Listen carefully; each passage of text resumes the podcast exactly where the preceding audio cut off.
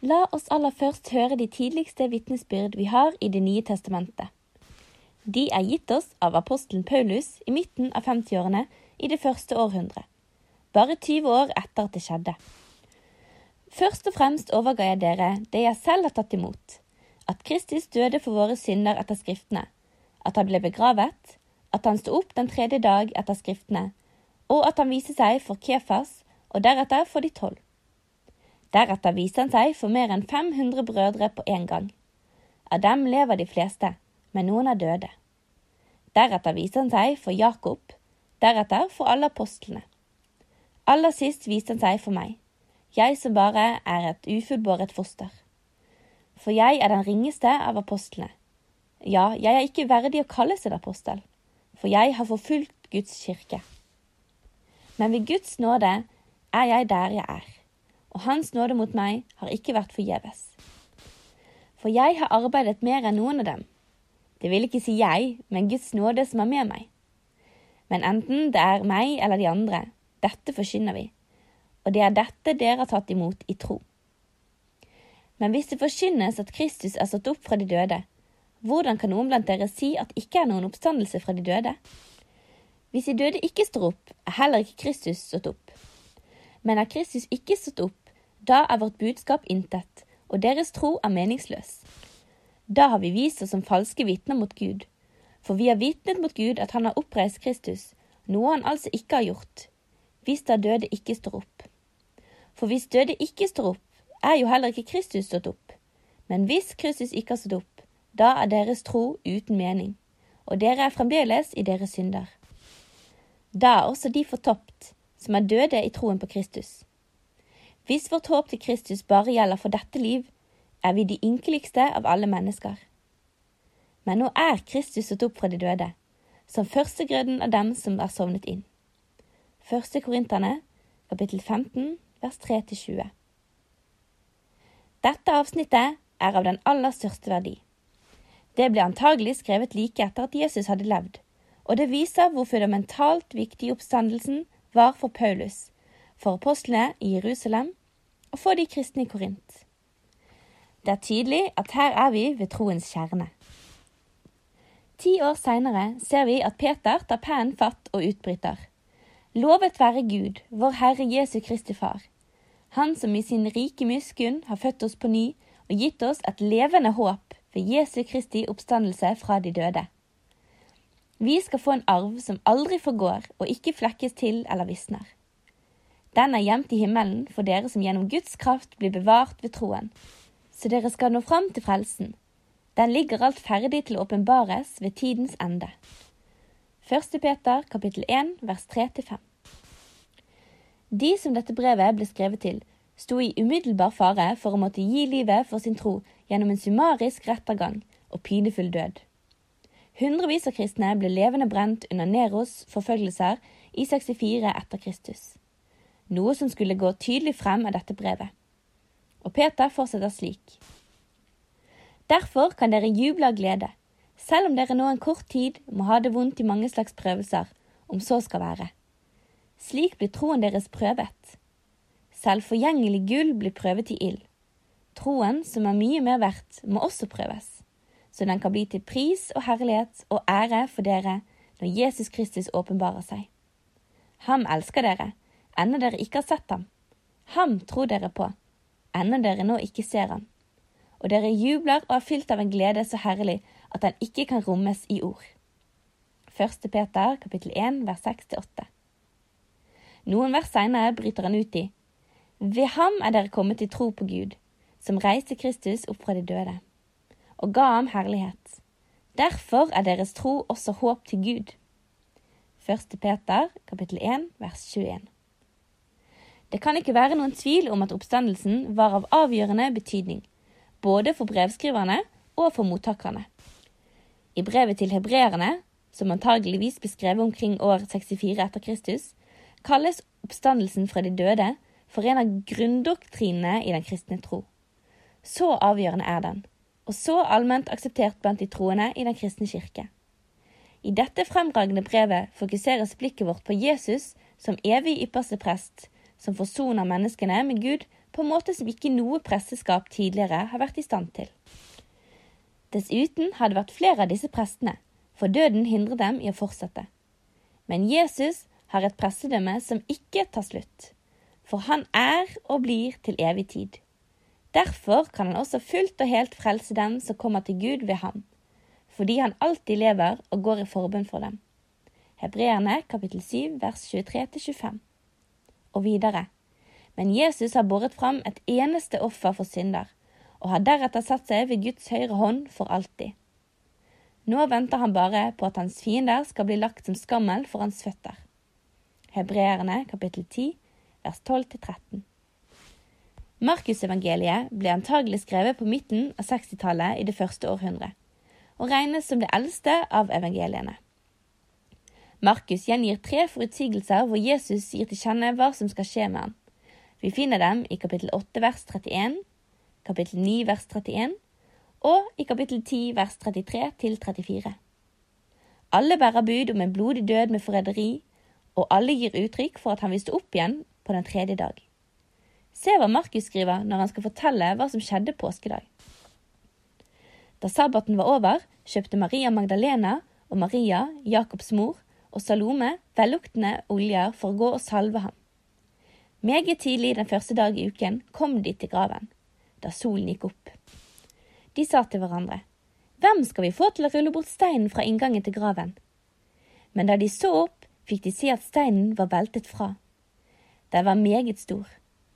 Da de kom inn i graven, så de en ung mann sitte på høyre side, kledd i en hvit, lang skjortel, og de ble forferdet. Men han sa til dem, Vær ikke forferdet. Dere søker Jesus fra Nasaret, den korsfestede. Han er oppstått. Han er ikke her. Se, der er stedet hvor de la ham. Men gå av sted og si til hans disipler og til Peter. Han går i forveien for dere til Galilea. Der skal dere få se ham, slik som han sa dere. Da gikk de ut og flyktet bort fra graven, skjelvende og forferdet. De sa ikke et ord til noen, for de var redde. Markus kapittel 16 vers 1-8. Med disse bemerkelsesverdige ordene er evangeliet etter Markus brått slutt. Kanskje har han villet at det skulle stanse her i ærefrykt og undring overfor Guds endelige verk, idet han reiser Kristus opp fra graven.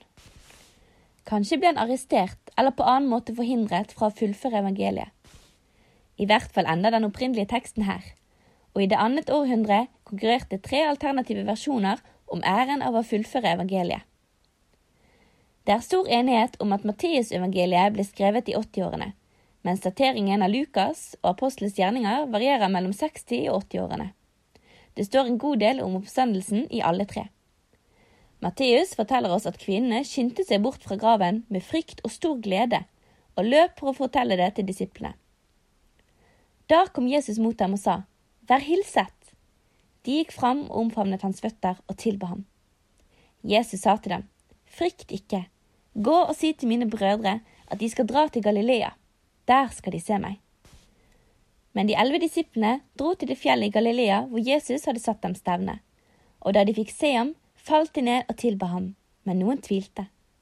Da trådte Jesus frem og talte til dem. Meg er gitt all makt i himmel og på jord. Gå derfor ut og gjør alle folkeslag til disipler idet dere døper dem til Faderens og Sønnens og Den hellige ånds navn, og lærer dem å holde alt det jeg har befalt dere.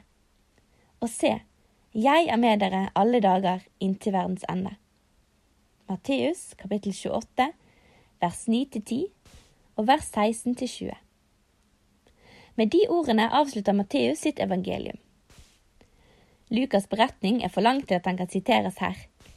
Den begynner i det 24. kapittel av evangeliet med å fortelle om den tomme graven og kvinnene. Deretter følger den makeløse beretningen om de to disiplene som vandrer motløse og oppgitte på veien til Emmaus påskeaften. Jesus slår følge med dem. De kjenner ham ikke før han får hjertene deres til å brenne ved at han forklarer skriftene for dem og bryter brødet ved bordet. Fylt av undring og glede vender de tilbake til Jerusalem samme natt og finner disiplene, som sier til dem, Herren har virkelig oppstått og vist seg for Simon. Hva som hendte i den samtalen med Simon, har ikke Lukas gjengitt. men han forteller om flere møter mellom den oppstandende Kristus og disiplene hans, før han forlater dem for siste gang og vender tilbake til sin far i himmelen. Apostlenes gjerninger er full av henvisninger til oppstandelsen. Denne boken ble skrevet for å bringe historien om Jesus over i sin neste fase. Disiplene begynte å spre budskapet om det utrolige mennesket de hadde vært så privilegerte å få kjenne, om hva han hadde gjort mens han levde, om hans død og oppstandelse. Dette forkynte de over hele den gamle verden. Første del av boken gir en oppsummering av Jesu oppstandelse og himmelfart. Og deretter fastsettes en av de kvalifikasjonene de må ha som skal erstatte forræderen Judas. Han må sammen med oss være vitne om hans oppstandelse. Apostelens gjerninger kapittel 1 vers 22. Resten av boken er i sin helhet viet dette å være vitne om oppstandelsen. Det var det viktigste kjennetegnet på de første kristne. Bortsett fra dette ene skilte de seg ikke noe særlig ut fra vanlige jøder. Men de hadde den frekkhet å hevde at Jesus, som de ledende menn i folket hadde dømt og som romerne hadde henrettet, var Guds sønn, og at Gud hadde reist ham opp fra graven. Dette var intet annet enn opprør, og de møtte motstand, ble fengslet, torturert og drept av det budskapet som hadde gjort dem til en egen bevegelse. Historien begynner i Jerusalem med Peters åpenhjertige tale første pinsedag. Israelitter, hør disse ord. Jesus fra Nasret var en mann Gud utpekte for dere gjennom de mektige gjerninger, under og tegn som Gud lot ham gjøre blant dere, og som dere selv kjenner til. Han ble utlevert til dere slik Gud på forhånd hadde bestemt og visste om. Og ved hjelp av menn som ikke kjenner Guds lov, naglet dere han til korset og drepte han. Men Gud reiste han opp og løste ham fra dødens veer. Det var jo ikke mulig for døden å holde ham fast. Gud oppreiste denne Jesus, og vi er alle vitner om det. Apostlenes gjerninger, kapittel 2, vers 22-24 og vers 32. Det er mye mer som peker i samme retning. Lukas gir dette sammendraget av hvordan evangeliet spredte seg i den første menigheten i Jerusalem. Med stor kraft bar apostlene fram vitnesbyrdet om Herren Jesu oppstandelse, og stor nåde var over dem alle. Apostles gjerninger kapittel 4 vers 33. Tre andre eksempler nærmere slutten av boken viser klart hvor grunnleggende viktig oppstandelsen var. Da han talte i Aten, la Paulus så stor vekt på Jesus Kai Anastasis, Jesus oppstandelsen, at de trodde han forkynte fremmede guder. Apostelens gjerninger, kapittel 17, vers 18. Videre kunne Paulus, da han var blitt satt i fengsel og skulle holde sin forsvarstale for den romerske guvernøren Felix, si det er på grunn av de dødes oppstandelse at jeg står her i dag. Apostelens gjerninger, kapittel 24, vers 21. Og enda en gang gjør han saken klinkende klar i forhøret hos kong Agrippa. Men til denne dag har Gud hjulpet meg, så jeg har vitnet for høy og lav. Og jeg har ikke sagt annet enn det profetene og Moses sa skulle hende, at Messias skulle lide og være den første som sto opp fra de døde, og deretter skulle han forsyne lyset for folket og for folkeslagene. Apostelens gjerninger, kapittel 26, vers 22-23. Dermed er vi nesten ferdig med oversikten over Det nye testamentets vitnesbyrd. Vi må bare ta med Johannes-evangeliet og Johannes' åpenbaring, som begge antagelig ble avsluttet i løpet av 90-årene i det første århundret. Evangeliet forteller om hvordan Jesus viser seg for Maria Magdalena, deretter for de tolv, for Thomas og for Peter og Johannes. Det er et praktfullt skrift. Det ånder av ektehet. Les de to siste kapitlene av Johannes evangeliet for deg selv, og føl styrken i dem. Kunne de ha vært skrevet av en som var mentalt forstyrret? Kunne de ha vært skrevet for å føre oss bak lyset? Og legg merke til at disse to kapitlene ikke er noe forfatteren av evangeliet skriver for egen regning. Han taler på vegne av den kristne menigheten han tilhører, og denne underskriver hva han sier. Det er denne disippelen som vitner om disse ting, og som har skrevet dette, og vi vet at hans vitnesbyrd er sant. Johannes kapittel 21 vers 24. Når det gjelder åpenbaringsboken, er hovedtemaet at lammet som en gang ble slaktet, nå står for Guds trone. Åpenbaringen kapittel 5 vers 6-14. Boken forteller at i Jesu døde oppstandelse finner vi løsning på spørsmålet om meningen med livet og menneskets skjebne. Takket være oppstandelsen kan vi møte den største ulykke i forvissing om at det er den allmektige Gud som styrer alt. Ikke noe sted kommer dette grunnleggende syn tydeligere frem enn i Åpenbaringen kapittel 1 vers 17-18, der Johannes i et syn får se den levende Kristus. Da jeg så han, falt jeg som død ned for føttene hans. Men han la sin høyre hånd på meg og sa, Frykt ikke, jeg er den første og den siste og den levende.